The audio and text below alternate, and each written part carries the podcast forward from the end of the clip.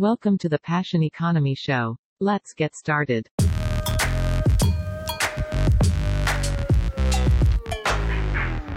Halo semuanya, di episode kali ini kita akan bahas mengenai sebuah media online yang menurut saya cukup unik nih konsepnya. Karena penyampaian informasinya hanya dalam bentuk email newsletter. Ya, kalau kita lihat media online lainnya kan umumnya informasinya itu dalam bentuk website atau aplikasi gitu ya. Ini nama medianya adalah Catch Me Up dan kita sudah undang langsung nih founder dan CEO-nya dari Catch Me Up yaitu Mbak Haifa Inayah. Halo Mbak Haifa, apa kabar? Halo, baik, baik. Gimana? Apa kabar Mas Radit? Baik, baik. Welcome, welcome. Thank you banget udah luangin waktunya nih untuk kita bisa ngobrol-ngobrol bareng. Sama, terima kasih juga udah ngundang kita Catch Me Up untuk ngenalin diri. Mungkin bisa dikasih penjelasan lebih detail gak nih? Apa sih itu Catch Me Up? Oke, okay, jadi um, Catch Me Up ini adalah newsletter service company. Jadi kalau misalnya orang subscribe ke Catch Me Up, maka tiap hari jam 6 Senin sampai Jumat atau hari kerja itu mereka bakal dapat email dari kita. Isinya berita-berita baik nasional, internasional, ekonomi, dan isu-isu yang lagi emang update dari sehari sebelumnya. Basically, idenya kayak gitu. Nah, ini mulai kapan sih nih? Sebenarnya kita mulai dari Juni tahun lalu, 2019. Oke, okay, oke. Okay. Foundernya siapa aja? Um, foundernya tuh aku. Jadi waktu itu aku awalnya mulai, um, ya Juni itu mulai masih sendiri, terus uh, setelah udah mulai kerasa kayak wah udah butuh uh, apa namanya bantuan untuk mulai set up the company kayak in real life gitu ya. Udah akhirnya uh, aku mulai nyari-nyari co-founder. Akhirnya nemu co-founder teman kuliahku juga dulu pas lagi S2 nah uh, apa namanya dari situ baru akhirnya kita mulai ngebangun tim. Untuk sekarang sih tim kita udah berlima sih masih. Jadi ada aku sebagai uh, CEO terus co-founderku dia sebagai CPO juga yang untuk produk dan untuk business dev. Terus satu lagi um, COO-nya dia untuk operation kayak gitu dua lagi tuh yang satu buat uh, bantu fact checking dan nyari-nyari data untuk tulisan dan satu lagi buat uh, nge second eye bahasa Inggris dan ejaan kayak gitu. Asih. Berarti waktu waktu awal tuh mulainya sendiri. Awal mulai sendiri, iya. Langsung udah konsepnya kayak sekarang, udah ngerangkum berita kemarin, atau kayak gimana awalnya? Um, udah kayak gini sih bentuknya gitu. Maksudnya udah, jadi kayak jadi ketika awal aku mulai itu aku udah bikin apa ya udah ada guideline-nya sendiri. Misalnya kayak dalam sehari itu harus lima berita atau misalnya minimal empat gitu. Tapi nggak boleh uh, kurang dari itu gitu. Terus isu-isunya juga yang harus selalu ada tuh kayak nasional politik gitu internasional sama ekonomi. Dua lagi terserah isu-isu yang emang kita concern gitu atau yang emang kita pengen angkat. Kayak misalnya entertainment boleh olahraga boleh atau global warming. Sekarang lagi banyak juga kan pemberitaannya itu juga bisa. Pokoknya jadi dari awal kita uh, apa namanya aku mulai catch me up ini emang udah ada guideline yang uh, tiap hari itu kita ikutin kayak gitu. Waktu mulainya itu kenapa sih apa yang oke ini kayaknya harus ada nih yang namanya catch me up. Iya, jadi mulainya tuh gini. Sebenarnya kan aku tuh emang backgroundnya wartawan. Jadi aku emang dari dulu tukang nulis gitu. Jadi uh, cuman emang aku ngepostnya kayak di politik, di ekonomi, di isu-isu current affairs lah waktu itu. Nah, terus uh, waktu itu tuh kayak sebenarnya kan habis lebaran itu kita selesai pilpres ya. Nah, sepanjang pilpres itu aku masih kerja di consulting gitu, terus kayak tiap hari itu kita kita masih harus ngirim update ke klien hari ini tuh uh, kandidat ini ngapain aja, kandidat itu ngapain aja, pokoknya kayak ngasih update gitu kegiatannya apa. Terus kayak pas lagi nyusun itu tuh kayak kerasa banget, ya ampun ini tuh infonya banyak tapi susah banget nyarinya karena kayak baru buka satu website dikit pop up-nya muncul, ads-nya muncul gitu. Jadi kayak waktu kita tuh habis cuma buat ngeklik-klik doang kayak gitu. Nah, terus ya udah kan itu kan kayak selesai pilpres tugasnya juga selesai gitu. Cuman pas lagi libur lebaran seminggu terus kayak mikir nih sih sebenarnya kayak nggak sebenarnya sebelum itu tuh kayak tiap kita ketemu tiap aku ketemuan sama teman-teman atau apa kayak mereka nanya eh kemarin Prabowo ngapain sih? Atau Jokowi Jokowi ngapain sih? Gitu. Terus aku bakal ngejelasin karena aku emang ngerjain itu kan. Nah, terus ya udah pas libur lebaran tuh aku mikir kayak um, mungkin buat aku sih gampang kayak gitu karena emang I was paid to do that right? Kayak emang emang aku ya udah digaji emang buat nyari berita buat ngasih update dan lain-lain. Tapi kan buat teman-teman aku ini yang ada kerja yang di bank ada yang kerja di apa namanya agensi iklan ada yang kerja di rumah sakit dokter apa itu kan mereka nggak ada waktu buat ngerjain itu gitu buat news sourcing kayak gitu. Simply karena mereka punya kerjaan lain gitu kan. Atau mereka emang busy aja untuk untuk dealing with this kind of news yang kayak harus ngeklik banyak dan lain-lain. Terus ya udah waktu itu aku mikir kayak um, aku udah aku bisa ngejelasin ke teman-teman. I was very conversational and very apa ya uh, apa dua arah gitu tektokan. Jadi aku pikir ini menarik kalau kita bikin dalam bentuk tulisan uh, dengan model yang kayak kalau kita ngobrol sama temen kayak iya jadi kemarin tuh Jokowi kayak gini atau Prabowo kayak gini gitu. Kayak kan belum ada. Jadi oh ya udah that's that's how it started sih. Nah sekarang udah berapa banyak nih yang berlangganan? Um, sekarang kita udah 35 ribuan. Wow itu berarti udah, udah berapa bulan? Dari Juni iya eh Juli sorry Juli. Dan open rate kita di 45 45 48 tergantung hari kayak naik turun naik turun. Tapi uh, rata-ratanya segituan 45 sampai 48 itu gede banget sih Maksudnya kalau kita bandingkan dengan newsletter yang sifatnya promosional atau marketing gitu, itu kan di bawah 10%, bahkan di bawah 5% ya. Yes, uh, aku uh, waktu itu bikin nyari risetnya gitu untuk yang emang marketing doang tuh email paling gede tuh 20-an. 45%. Paling tinggi berapa? Wah, paling tinggi kita pernah kena waktu itu dapat uh, 60 pernah. Karena waktu itu kayak kita habis nulis yang soal isu Amerika dan apa Irak ya. Itu kan kayak kejadiannya hari Jumat terus orang kayak ini ada apa sih? Ada apa gitu. Terus kayak bikin dong at least buat weekend gitu. Karena kan kita sabtu minggu nggak terbit. Terus kayak ya nggak mau tungguin aja sampai senin kalau emang pengen gitu kan. Karena emang kayak uh, it, it's our company policy from the beginning that kayak sabtu minggu hari libur nasional kita nggak terbit kayak gitu. Aja jadi kayak pas hari seninnya kita kita apa namanya kita ngirim itu kayak open rate-nya langsung tinggi banget Berarti emang emang passionnya itu di di menulis ya. Tadi kan profesi wartawan ya? Iya, emang emang aku seneng nulis sih. I like writing, I like storytelling. Jadi kayak ya udah cocok aja sih dengan medium kayak gini. I see. Itu sejak kapan? Tahu dari pas masih di kampus juga aktif di pers mahasiswa gitu-gitu. Kenapa sih akhirnya milihnya itu mediumnya newsletter email gitu? Um, karena sebenarnya gini, ketika apa ya, ketika kita ketika aku mulai catch me up, I put it in my mind that ini tuh harus antitesis dari semua media yang ada yang udah ada saat ini di Indonesia. It, has to be the the different side gitu. Karena kalau misalnya sama ya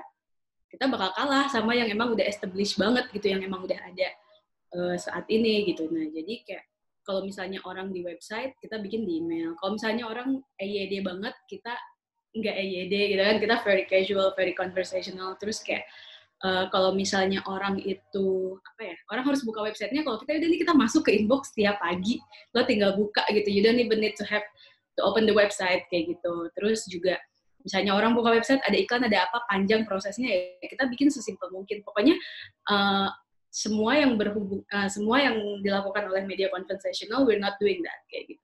Jadi emang kita masuknya ke situ. Dan kenapa email? Karena uh, itu sih karena sebenarnya pas aku kerja tuh again kayak aku tuh lebih aku sering banget buka email terus kayak isinya marketing isinya ya ya udah orang jualan gitu. So I was like this is actually a very good medium. Terus juga secara kita aku nggak tahu sih maksudnya kayak um, in my opinion orang Indonesia itu kan yang buka email rata-rata um, first jobbers atau orang yang udah kerja like more like professional um, sekarang walaupun mahasiswa udah banyak, we were also surprised that pas kita buka, kita lihat demografik, ternyata banyak juga mahasiswa kayak gitu. So it's actually good gitu. Cuman kayak um, kita ngerasa medium kita juga um, apa ya bisa target uh, target pasar yang emang kita tuju gitu, yaitu adult yang millennials, first jobbers yang baru mulai kerja kayak gitu. Mereka butuh informasi ya udah dari kita aja gitu. So we also narrow down narrow down the market by choosing to use emails kayak gitu.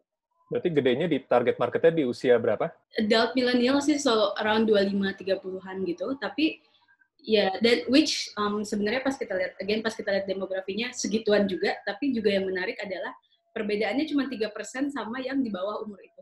Sama yang 18 sampai 25 berarti itu tuh perbedaannya cuma 3-4% gitu. Meaning ya that big chunk of millennials sih ujung-ujungnya. Ke depannya bakal ada website kah atau bakal tetap fokus email? Um, sebenarnya email tetap flagship produk kita, tapi emang uh, website kita udah mulai kita kita kembangin karena kan emang kita juga pengennya uh, apa ya?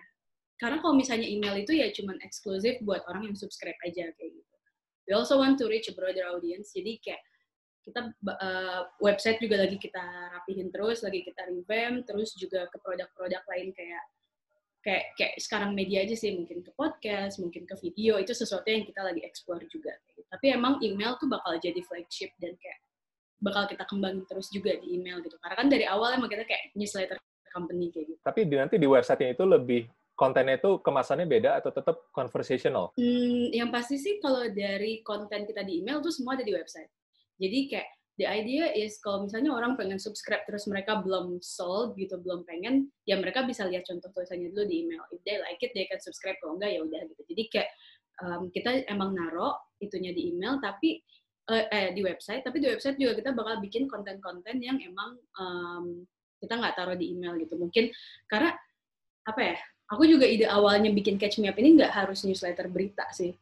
I want to be I want it to be more lifestyle. Jadi kayak instead of um, orang ke kita buat nyari berita jam 6 pagi and that's it, kita pengen bikin kita tuh ada around the clock gitu loh. Jadi orang tuh buka kita nggak cuma pas um, jam 6 pagi aja, tapi misalnya mereka siang, aduh gue pengen dengerin podcastnya ini penjelasan soal apa ya udah aku bikin kayak gitu.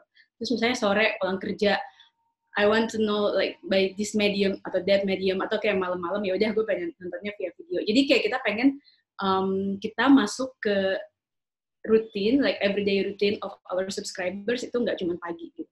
Jadi kita bakal kembangin terus sampai oke okay, uh, what what we can make produk apa dan selanjutnya yang kita bisa bikin untuk siang atau untuk sore atau untuk malam. Keunikan dari Cashmap itu kan ya konten itu tadi ya, konsep itu conversational. Nah itu memang kepikirannya karena tadi sering ngobrol-ngobrol sama teman. Ini seru juga ya kalau news ini dikasih itu dalam bentuk obrolan kayak gini gitu ya? Iya, iya. Emang dari awal kayak karena kalau ngobrol sama teman kita kayak gini kan, kayak eh iya jadi itu gini ya kayak gitu. Jadi kayak ya sekarang kalau misalnya kita aku kan juga kebiasaan nulis kayak EYD gitu dulu kan pas aku di media juga nulis kayak gitu tapi kan ya ya ya udah untuk model tulisan kayak gitu you can just buka website apa aja ada semua gitu. Jadi kayak um, aku sih pengennya bikin seconversational mungkin. Jadi orang tuh ketika baca mereka nggak ngerasa kayak aduh ini apaan sih? Baru semenit dua menit baca terus tutup. Itu kayak apa ya itu yang yang yang aku pengen ya udah gitu nih you can also knowledgeable about everything tapi kayak in a, in a very easier way aja kayak gitu. Tapi emang apa lo baca itu lebih apa ya lebih enak gitu ya karena kayak kayak kita diceritain. Maksudnya kenapa konsep ini tuh sebelumnya kok belum ada yang ini ya yang pakai ya? Um, ya aku juga sebenarnya heran sih. Anyway, enggak sebenarnya gini pas. Jadi kan aku tuh juga dulu di media kan. Ada beberapa media lah yang aku tuh beneran kayak awalnya tuh aku dagangin nih kayak kayaknya ini bagus deh kalau kita bikin nih uh, apa namanya bikin email newsletter dengan model conversation kayak gini, bla bla bla like apa ya uh, explaining things gitu kayak ke orang. Karena kayak ya udah buat orang media kayak aku ya bisa ngerti soal MK dengan cepet soal pilpres dengan cepet. Tapi kan ada orang-orang yang emang gak ngikutin gitu. Mereka butuh background butuh penjelasan gitu. Tapi emang banyak yang nggak solve juga kayak banyak yang kayak ah apaan sih apaan? Ya udah akhirnya daripada gatel kan nempel doang di kepala ya udah deh aku bikin aja gitu kan. Akhirnya ya udah aku bikin sendiri gitu. Jadi sebelumnya juga uh, aku udah jual ide ini ke ke, ke komunitas media yang aku punya gitu tapi kayak ya, ya udah emang harus dibikin sendiri aja sih kayak. Itu itu kapan tuh? Ada ada ide itu? Hmm, sebenarnya udah lumayan sejak pas pilpres sih pas pilpres karena berasa banget pas panjang karena pilpres itu prosesnya panjang kan. Kayak kita tuh mulai kampanye sorry kalau nggak salah dari Februari. Enggak enggak Oktober. Oktober tuh udah udah boleh kampanye terbuka tujuh bulan kalau nggak salah. Kita kan nyoblos April. Nah, sepanjang itu tuh kayak kita tuh banyak banget bermunculan media-media yang khusus ngomongin pemilu. Tapi nggak bikin orang engage untuk kayak, oh oke okay, gue beneran pengen tahu nih isu ini atau isu itu atau ini kayak gimana gitu kan. Yang ada malah cuman ya udah orang makin polarize aja, yang dukung satu-satu, yang dukung dua-dua kayak gitu. Nah, um, jadi tapi banyak juga gitu yang nggak ngerti, yang tiba-tiba datang ke aku tuh kayak, eh ini bener ya hoax ini tuh ini gitu, ini bener ya kayak gitu yang diomongin hoax gitu. Terus kayak, hah enggak gitu. Tapi lo nggak tahu iya nggak tahu. Karena ya mereka simply mereka nggak baca. Kenapa ya? Karena emang mediumnya ribet gitu. Kita mau baca berita ya ampun perjalanannya tuh panjang banget. Dari kita buka browser sampai we get the whole idea gitu. Itu kan kayak ngeklik link apa segala segala gitu kayak gitu. Jadi kayak uh, ya udah ini ada void in the market yang kayak orang butuh penjelasan yang cepet yang gak usah ada pop eh, pop up nggak ada ads. Tapi mereka dapat the whole picture gitu dan itu belum ada kayak gitu. Jadi idenya emang udah lama sih. Di luar negeri udah ada belum? Mungkin di Indonesia belum ada ya sebelum Catch Me Up ya. Di luar negeri udah ada belum sih kayak gitu? Di luar negeri udah udah banyak sebenarnya. Uh, di luar negeri banyak banget email email email newsletter kayak gini yang muncul karena emang sebenarnya buat kita sebagai orang media itu lebih gampang juga untuk um, nge-track um, apa namanya uh, customer kita gitu maksudnya karena kan email itu kita bisa lihat kayak uh, open rate-nya berapa, yang paling banyaknya di mana. Not that buka website nggak kayak gitu ya, website kayak gitu, tapi kan itu very very costly gitu. Kita untuk bikin website, untuk bikin orang mau buka website kita itu kayak buat startup media kayak aku gini yang masih bootstrapping ya, simply it's impossible gitu kan. Nah kalau email newsletter itu kayak lebih akurat aja kita dapat uh, dapat predictionnya juga gitu kayak pembaca kita umur berapa apa and and it's way cheaper sih menurut aku kayak which is the most important part. Iya, iya. Karena kan pakai MailChimp ya? Pakai MailChimp. Berarti starting cost-nya itu bisa dibilang zero ya? Starting cost zero, ya. Untuk 500, 500 email kontak pertama, tapi setelah itu kan kita gradually naik-naik-naik harganya gitu kan. Terus MailChimp juga ngitung nggak cuma dari isi kontak doang, tapi juga dari jumlah email yang kita kirim gitu. Jadi kayak misalnya sekarang subscriber aku 35 ribu, uh, not necessarily dalam satu bulan 25 kali ngirim 35 ribu kali si itu apa namanya itu tuh udah ke cover semua gitu nggak biasanya kayak kita harus additional email lagi nambah lagi gitu karena udah nyampe ke angka maksimal kayak gitu. Nah dari awal sampai sekarang nih tantangan terbesarnya itu apa sih? Tantangan ter uh, oke okay. tantangan terbesar sih so far to convince people that this is actually gonna work and this is actually gonna be huge itu sih karena at this point ketika aku mulai aku nggak mikir sih kayak oke okay, gue modalnya harus gede gini enggak I really start from scratch gitu kayak bener-bener karena karena buka akun Mailchimp sendiri gratis kan nggak nggak bayar gitu. Jadi aku nggak I don't think far bahwa itu bakal mahal dan bakal apa kayak gitu. Nah cuman kan once sekarang kita udah punya tim terus kita udah punya um, apa udah email uh, subscription juga kita makin mahal terus juga kita pengen ngembangin produk dan lain-lain aku baru kayak baru sadar gitu kayak oh my god I really have to make money gitu kan dari sini. Nah itu yang kayak ketika akhirnya kita ketemu investors atau kita ketemu uh, produk gitu misalnya orang mau ngiklan kayak buat mereka iya tapi di website itu kita bisa dapat um, exposure sampai misalnya satu juta dua juta orang yang lihat gitu. Tapi kayak email misalnya lu punya 35 ribu terus open rate lu cuma 45 persen so it's like what like 12 ribu 13 ribu kayak gitu. Jadi kayak ya ini kecil gitu kan kalau dibandingin sama website sama video apalagi YouTube atau apa kayak gitu. Jadi itu sih untuk untuk convince that but this is apa ya this is effective karena um, apa ya mungkin ter tereksposnya nggak terlalu banyak but we know they, they are very apa ya committed to our email gitu loh. Kita kita punya audience yang emang clear jelas dan mereka uh, akurat mereka buka email kita tiap hari dan dan itu mungkin yang yang yang jadi more on the quality side instead of the quantity. Tapi kan kalau di kita kan orang lebih masih melihat quantity kan. Jadi kayak convincing itunya sih yang yang yang berat untuk calon investors kayak gitu. Padahal sebenarnya kayak jumlah views ya kan, quantity yang besar pun juga nggak nggak menjamin kualitas audience ya. Exactly. Dan dan belum tentu maksudnya kayak iya benar kayak uh, nggak menjamin dan kayak ya belum tentu juga itu bisa uh, apa namanya dimonetize in some ways gitu tetap aja gitu kan. Um, tapi ya again makanya karena emang emang email itu di kita kayak masih bukan baru sih mungkin orang ya ya kita masih kita yang pertama gitu even kayak ketika benchmark lo apa ya nggak ada. Kalau di Indonesia kayak kita pas kita bikin red card ya ya udah kita berusaha ngebandingin sama media online but we cannot necessarily ngikutin itu gitu karena model kita beda ya tapi kita nggak ada contoh juga gitu karena di Indonesia emang awalnya baru kita kayak gitu. Jadi kayak we kind of figure out the ways gitu sambil jalan tapi ya ya udah sambil sambil lanjut aja sih gitu. Ya sulitnya jadi yang pertama itu nggak ada benchmark ya? Betul betul. Iya di Amerika udah ada benchmark ya Iya di, di Amerika banyak. Di Amerika tuh ada Morning Brew namanya khusus buat ekonomi. Ada The Scheme yang kayak Catch Me Up juga modelnya. Ada CNN, even kayak mereka tuh punya sampai 11 kalau nggak salah newsletter dan aku subscribe semuanya. Karena aku pengen, karena ketika kita memformulasikan Catch Me Up itu, I really want to make sure that this is the best ever gitu loh. Jadi kayak semua semua media aku subscribe. Jadi kayak tiap hari tuh 50-60 email newsletter tuh masuk gitu. Even kayak uh, apa namanya dari Forbes, dari uh, foreign policy, pokoknya semua yang uh, karena di luar negeri ini udah udah orang semua udah pada beralih ke sini gitu. Jadi kayak aku subscribe semua New York Times, uh, Washington Post nanti terus oh kalau ini modelnya kayak gini. Jadi kayak aku ambil-ambil dari situ menurutku paling bagus kayak gimana itu yang kita taruh buat di Kayak gitu. Jadi um, ini juga went through a lot of process sih sebelum akhirnya nyampe ke email subscriber tiap pagi gitu. Nah, itu yang di contoh yang di luar, itu konsepnya sama conversational rangkuman berita atau kayak newsletter berita biasa, misalnya topik ini, deskripsi, habis itu klik ke website, kayak gitu-gitu? Nah, um, sebenarnya kalau di Indonesia paling banyak yang kedua ya. Nah, yang nah sekarang tuh di Amerika tuh udah mulai banyak yang pertama. Yang conversational ada, kayak The Skim tuh very conversational, tapi juga they really just skim gitu loh. Jadi kayak kita baca emailnya nggak nyampe lima menit selesai gitu.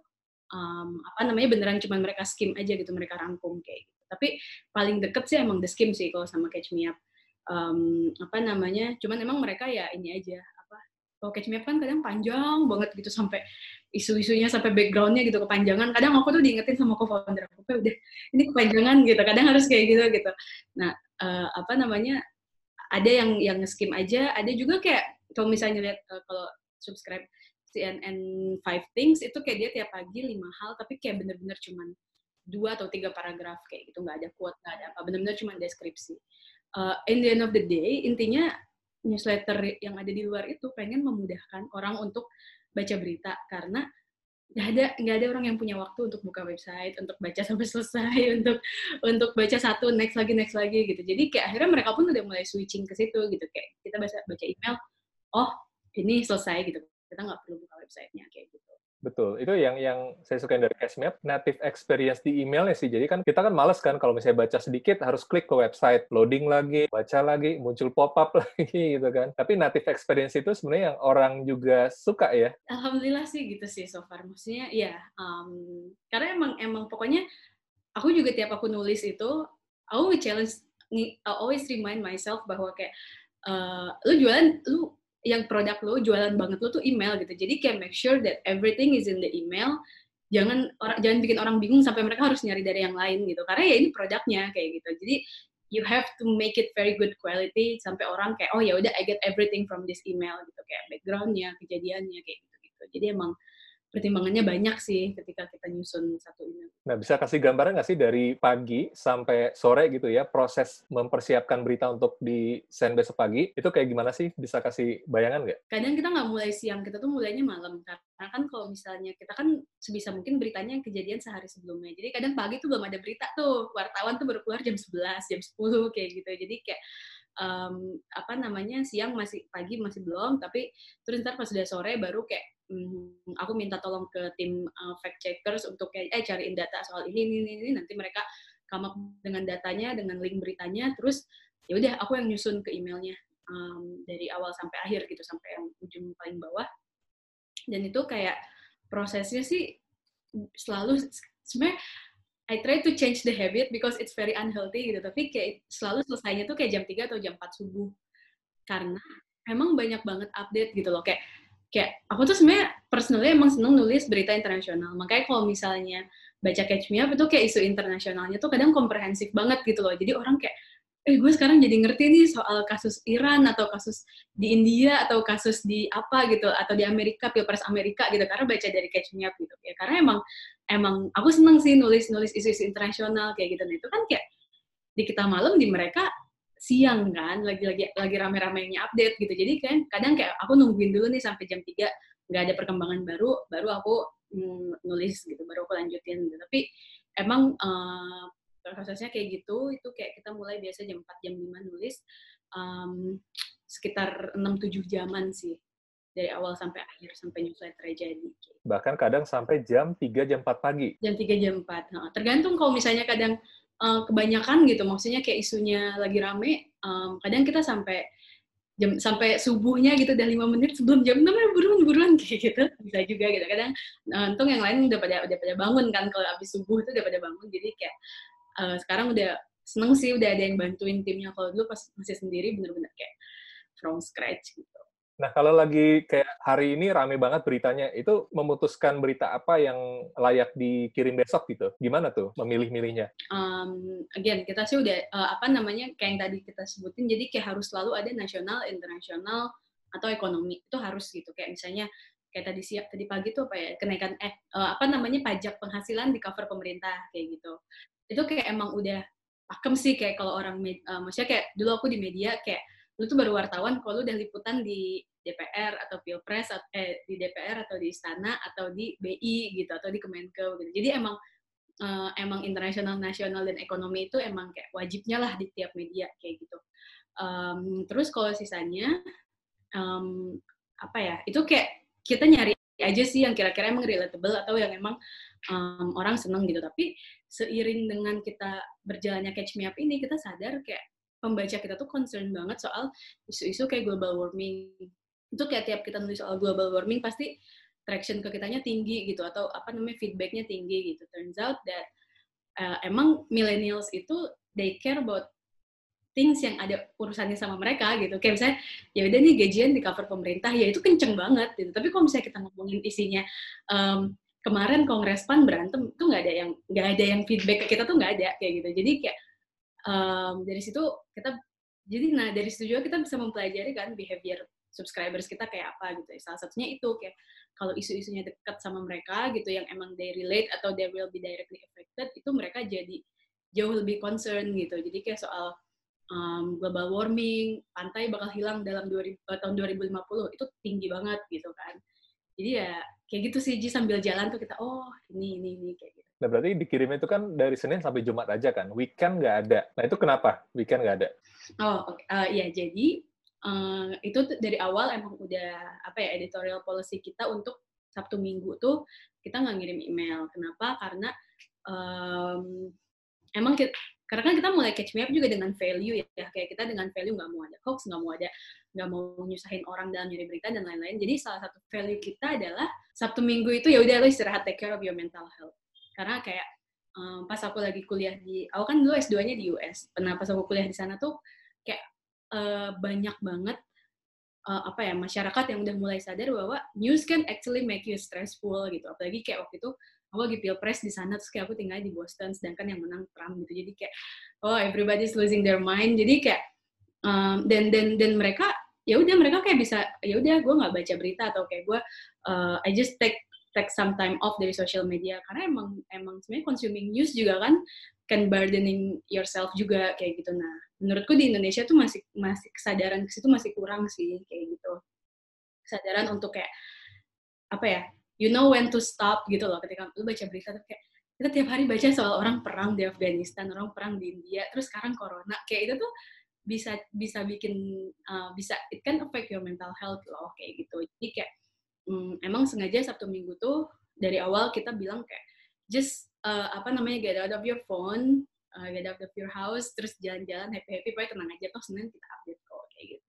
Um, dan dan itu yang kayak kita bakal ini terus sih kayak Sabtu Minggu tuh udah kita nggak naik. Dan dan alasan kedua sebenarnya itu biar again kita antitesis dari media yang udah ada kalau media lain tiap ada isu langsung breaking news kita ya sebaliknya. Ya udah tunggu aja gitu kan hari Senin jam 6 pagi kayak gitu jadi nggak nggak harus kalau ada breaking news langsung kirim email nggak nggak harus ya Enggak, enggak. Iya tuh kayak pas yang Iran itu yang yang kejadian Iran Amerika itu kan um, Jumat malam. Which is Sabtu kita nggak ngirim. Itu kayak sosial media kita kita kayak dikejar-kejar debt collector kayak kak nulis dong gitu ya udah dibikin khusus aja hari Sabtu doang gitu gitu, gitu.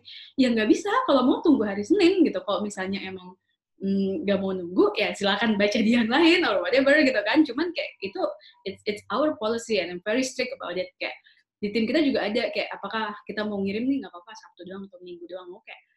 no let's just hit the post button gitu toh apa ya news can wait gitu kayak nggak kalau kita ya udah gitu ya udah nggak usah aja kayak gitu itu emang udah policy sih. Tapi ke depannya bakal ada kategori yang spesifik gitu gak sih? Misalnya saya sukanya sport atau teknologi, saya hanya subscribe sport doang atau teknologi doang. Bisa kayak gitu gak ke depannya? Bisa banget. Sebenarnya itu yang apa namanya itu yang lagi kita pikirin juga user experience kita tuh biar tetap mereka juga bisa apa ya bisa milih isu-isu yang mereka concern gitu. Jadi uh, nanti ada misalnya kayak bakal ada pilihan untuk uh, apa namanya konten-konten yang emang mereka mau itu ada dan sebenarnya kita lagi berusaha ngembangin itu tapi it takes some time sih kita sih pengennya tahun ini um, cuman ya apa sambil jalan lah gitu tapi untuk saat ini sih produk flagship kita masih di daily news, daily email aja sih. Kalau Catch Me Up sendiri model bisnisnya gimana sih? Kayak revenue-nya itu dari mana aja dan apa memang dari awal dibentuk itu udah dikonsepin? Short answer enggak. Jadi pas bikin itu ya udah bikin aja gitu. Again kayak tadi yang aku bilang kayak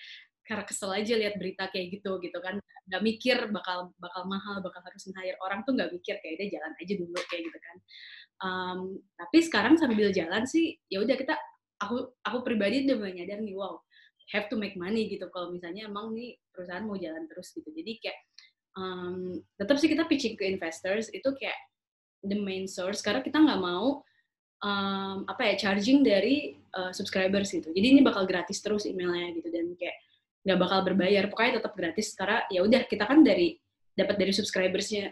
The number of subscribers itu yang kita bisa bawa ke investor kan Um, jadi kalau untuk email sih bakal tetap gratis. Kita paling ke investor sama ads sih namanya. Kalau media kan pasti ads gitu. Nah untuk ads sendiri itu bisa placement dari website, di Sokmed, di email newsletter. Uh, tapi di email newsletter ternyata kalau pakai Mailchimp itu um, apa namanya they're very strict about the ads kayak gitu. Kayak kita naruh iklan yang kayak gimana kayak gimana mereka bisa langsung blok gitu. Jadi itu juga sih karena kita nyadar ke situ kayaknya yang paling cepat sekarang yang harus kita develop adalah bikin email infrastruktur sendiri. Jadi jangan diatur sama third party.